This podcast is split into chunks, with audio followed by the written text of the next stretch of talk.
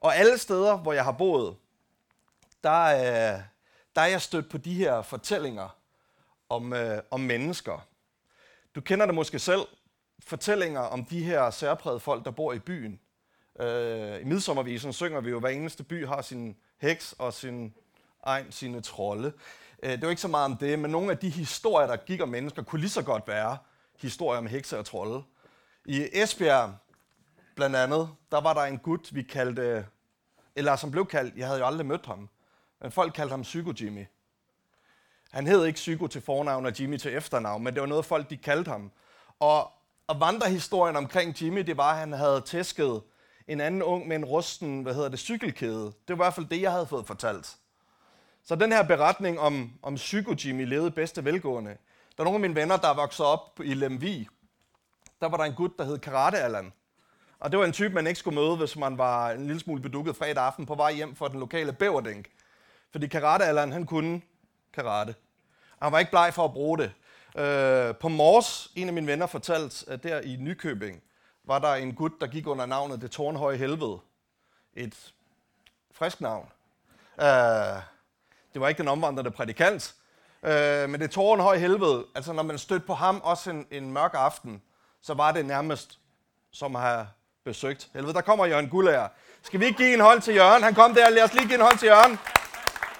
Jeg har lige fortalt lidt historier om din bind i skoen og din gamle Opel, og hvordan jeg altid tæskede dig i squash. Og, hvad siger du? Nej, det skal ikke frem her. Nå, det er jeg ked af. Fortællinger om mennesker. Det var fortællingen lidt om Jørgen.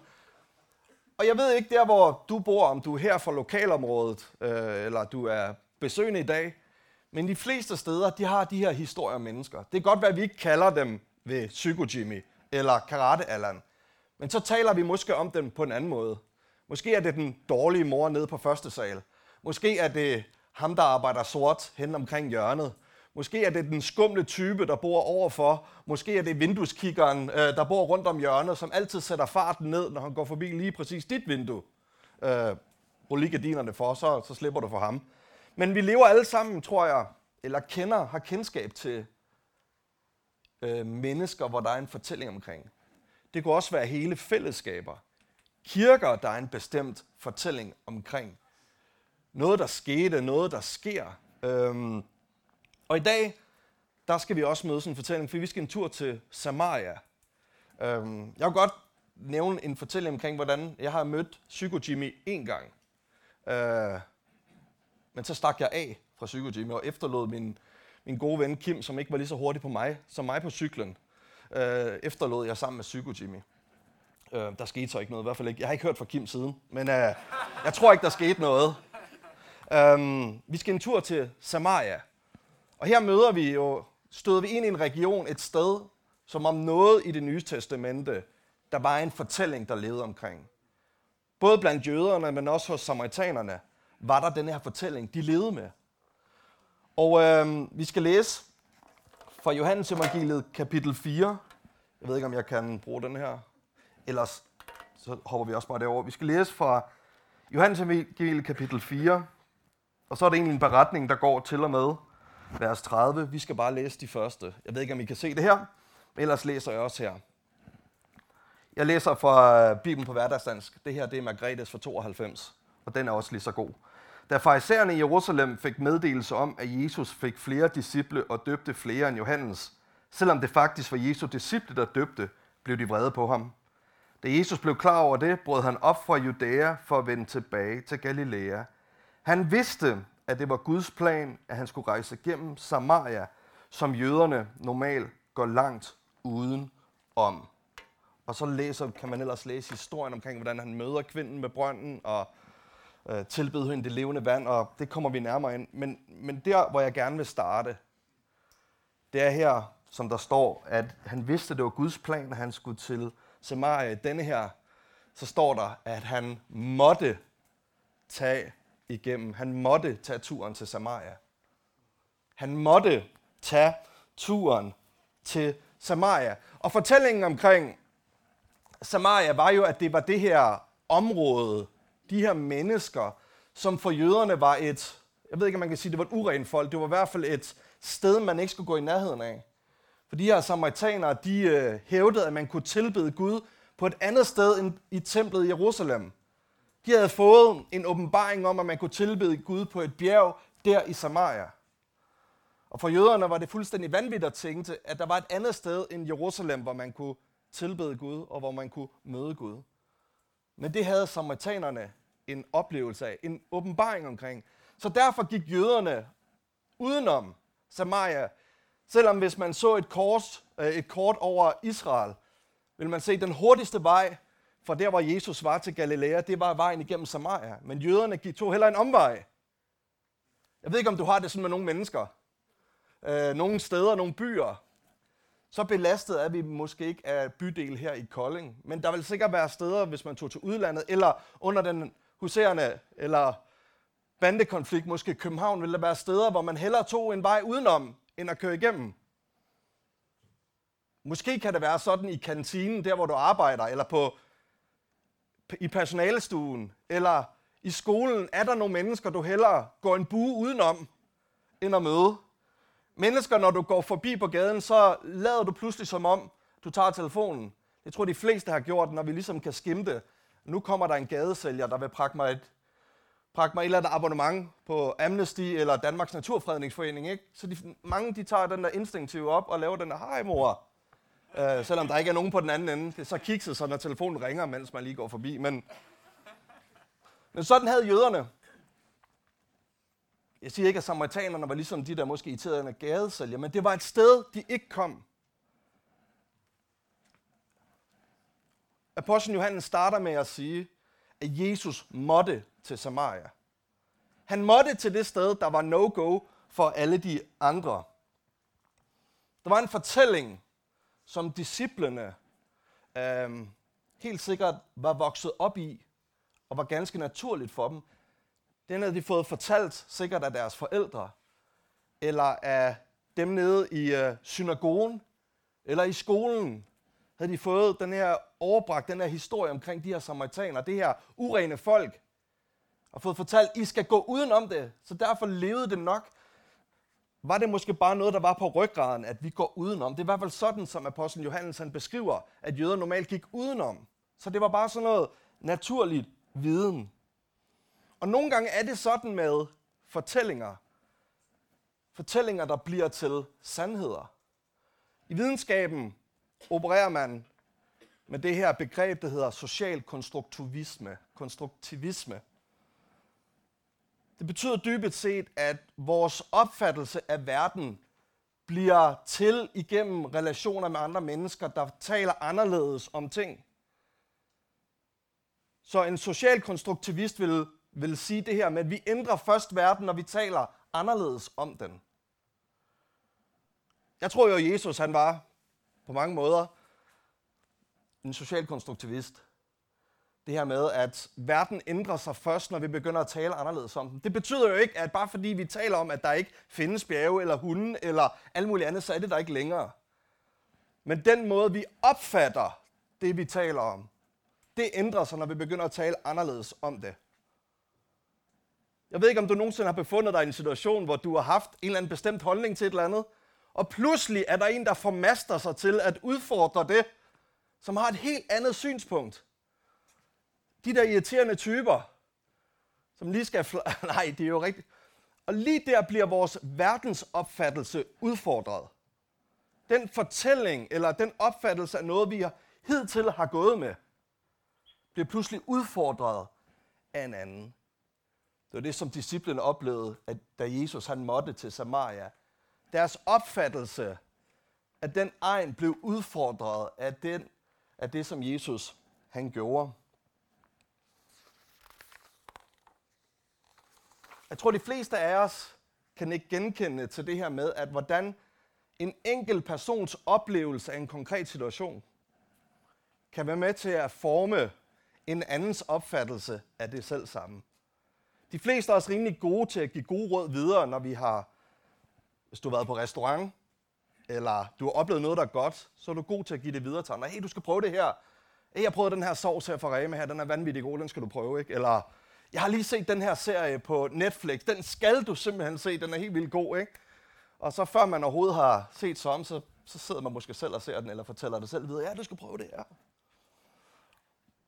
oplevelser, der bliver til fælles fortællinger. Og jeg tænker med medier som øh, Trustpilot, hvor man kan skrive, også næsten helt anonymt, en anmeldelse af en oplevelse.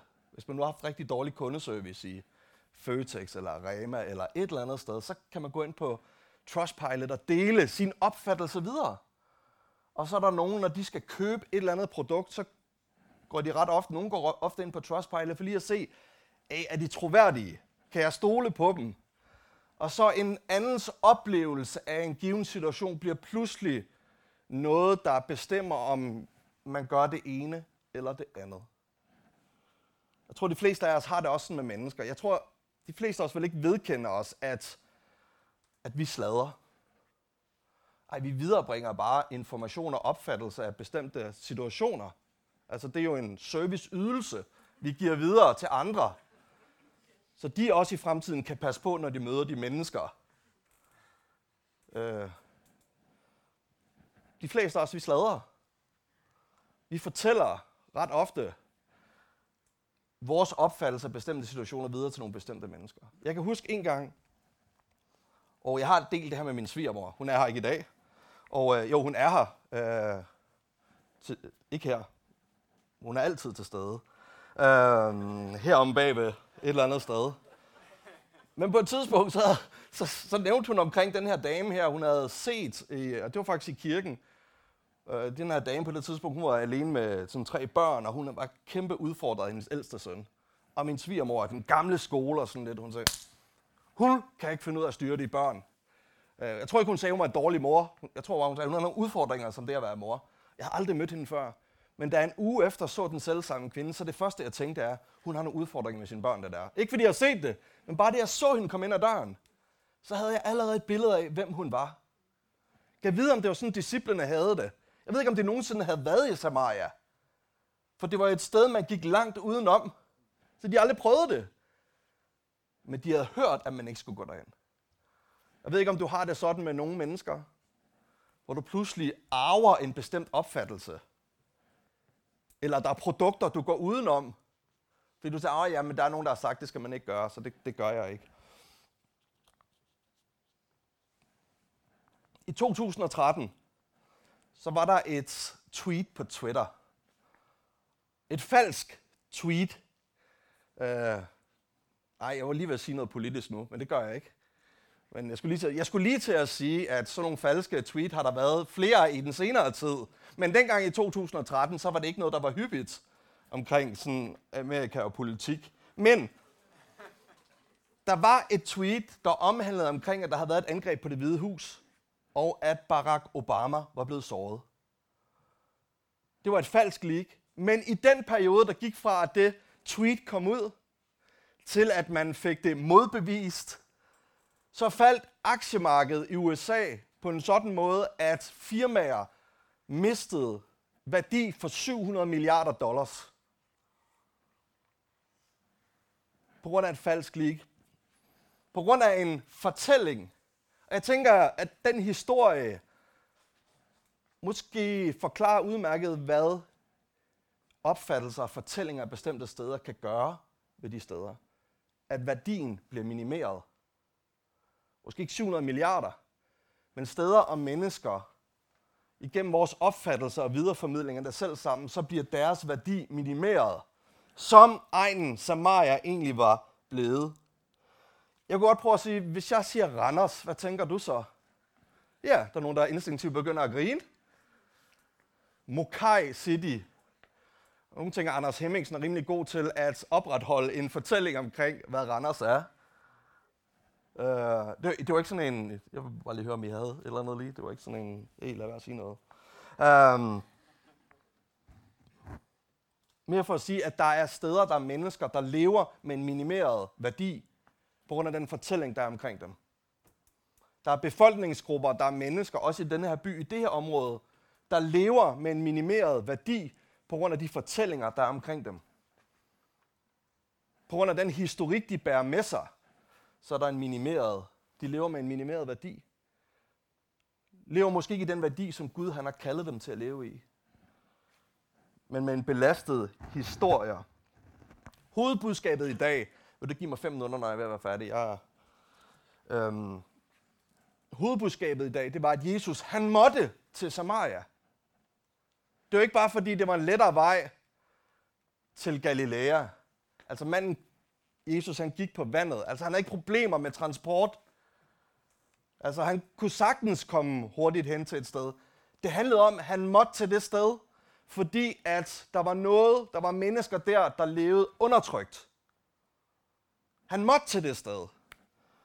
I Lukas 4:18, der står der lidt omkring Jesus. Lad os, hvis vi bliver det politiske sprog, så lidt mere om hans chef, eller hans grundlæggende ideologi, om hans partiprogram. Alt, hvad han var, er opsummeret i det her. Herrens ånd er over mig, fordi han har salvet mig. Han har sendt mig for at bringe godt budskab til fattige, for at udråbe frigivelse for fanger og syn til blinde, for at sætte undertrykte i frihed, for at udråbe et nådeår for Herren. Det var den, han var.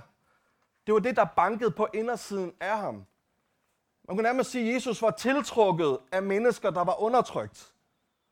Han blev draget, han måtte til Samaria. For der levede mennesker i undertrykkelse. En historie, der undertrykte dem. Og der i Samaria møder Jesus en kvinde, et køn, som også levede i undertrykkelse. Udover det, hun også var samaritaner. Og der formidlede Jesus noget og liv og håb. Men endnu mere, så viste han til disciplene, der omkring ham, at de her mennesker, de er værd at elske. De her mennesker har værdi. Det, det specielle også ved historien, det er, at hende kvinde her ved brønden, hun er udmærket klar over de fortællinger, der er omkring hende. Jeg siger ikke, hun stiltigende har accepteret det, men hun lever med det. Man kan læse i i vers 9 for eksempel, hvor hun siger, hvordan kan du en jøde bede mig, en samaritansk kvinde, om noget at drikke? Eller der nævner hun jo og sætter ord på forholdet mellem jøde og samaritaner. Hvordan kan du, en jøde, bede mig om noget at drikke?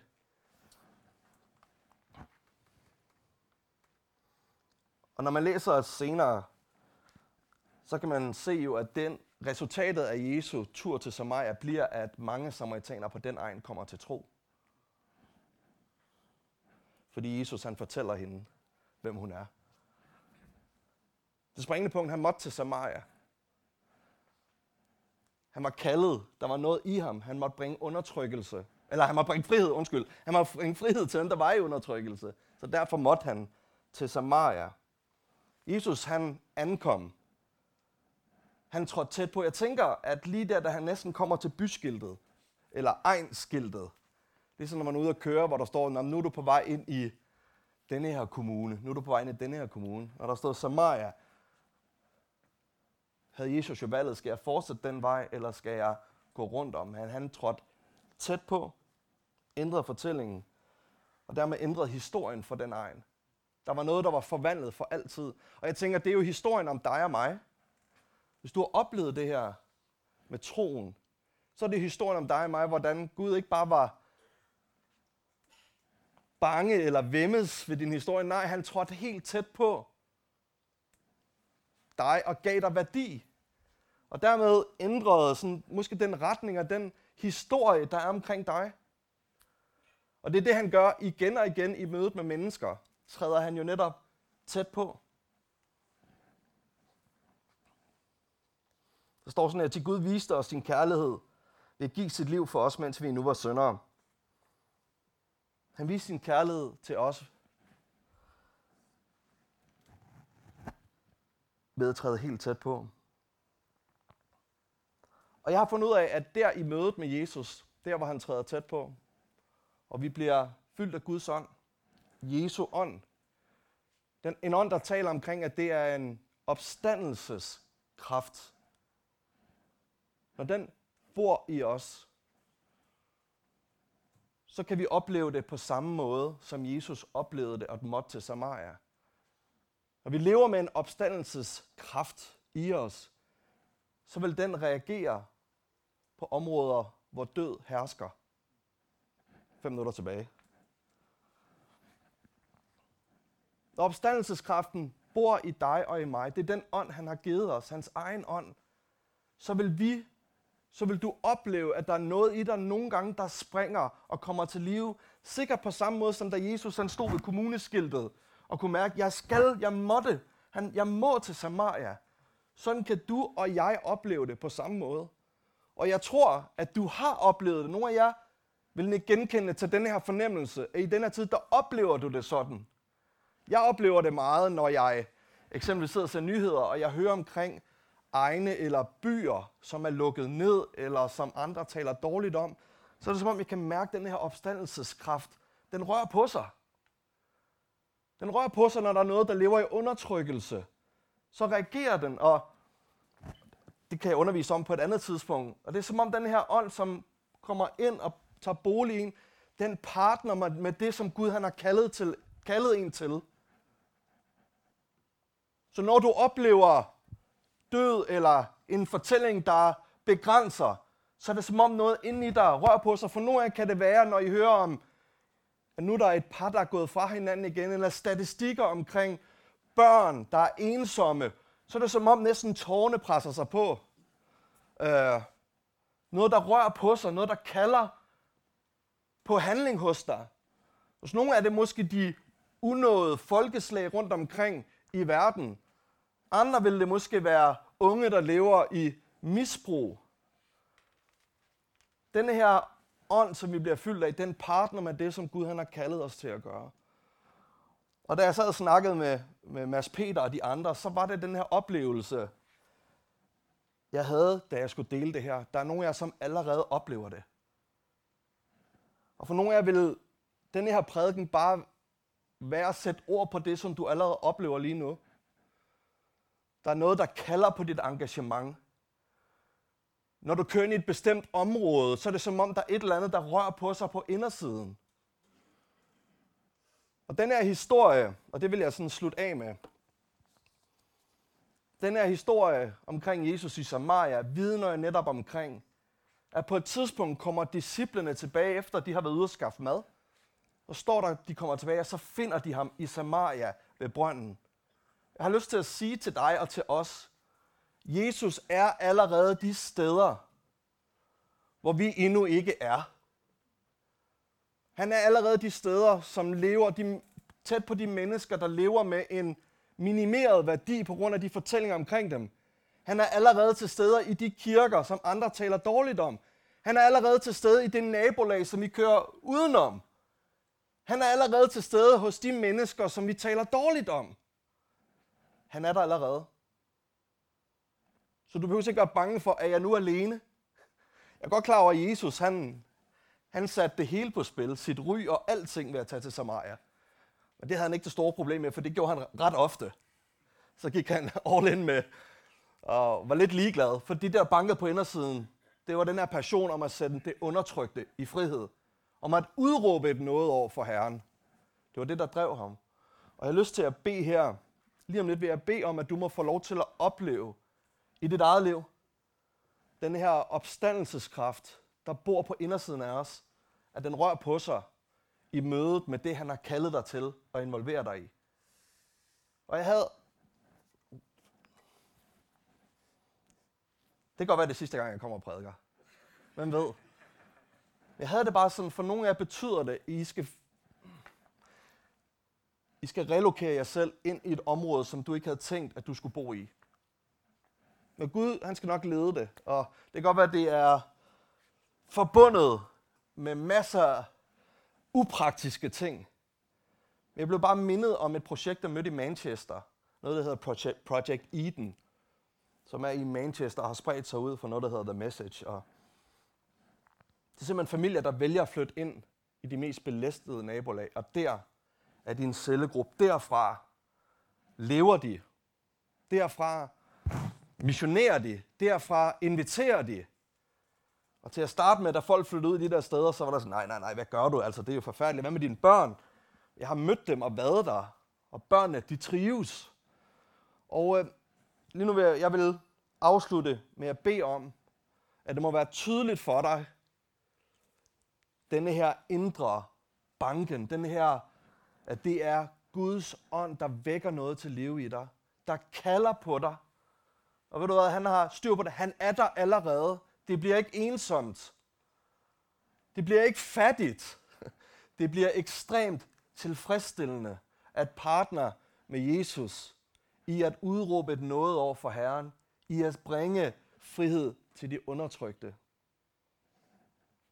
Lad os bede sammen. Tak, Jesus, at du tog til Samaria. Tak, fordi kvinden fik lov til at smage af det livgivende vand. Tak, at den tørst, der var i Samaria, blev mættet, blev stillet. Tak, Jesus, du igen og igen træder nær til os. Du er ikke så bekymret om belastende historier, om fejltagelser. Det er ikke noget, der diskvalificerer. Det nærmere tiltrækker dig, Jesus. Beder dig i dag mere end noget andet, at vi på samme måde som kvinden ved brønden må blive mættet, at vores tørst må blive stillet hos dig, Kristus. Og så beder jeg dig om, Herre, at det, som du gør i os, vækker ånden til live. Opstandelseskraften, som bor på indersiden. Gud, jeg beder, der må være tydeligt for os, hvor du kalder os, hvem du kalder os til. Jeg beder dig for den her menighed, som har sat sig selv i bevægelse efter dig, Kristus, og efter hvor du er at finde i denne by. Jeg beder dig for denne menighed. Jeg beder, det må være tydeligt, hvor det er, du leder hen. Hvad er deres Samaria?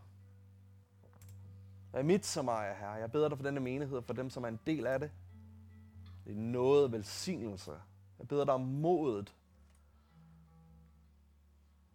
til at turde sætte sig i bevægelse efter der, hvor man oplever, at der er et kald. Jeg beder om bevarelse og fred midt i det alt sammen. Og jeg har lyst, amen.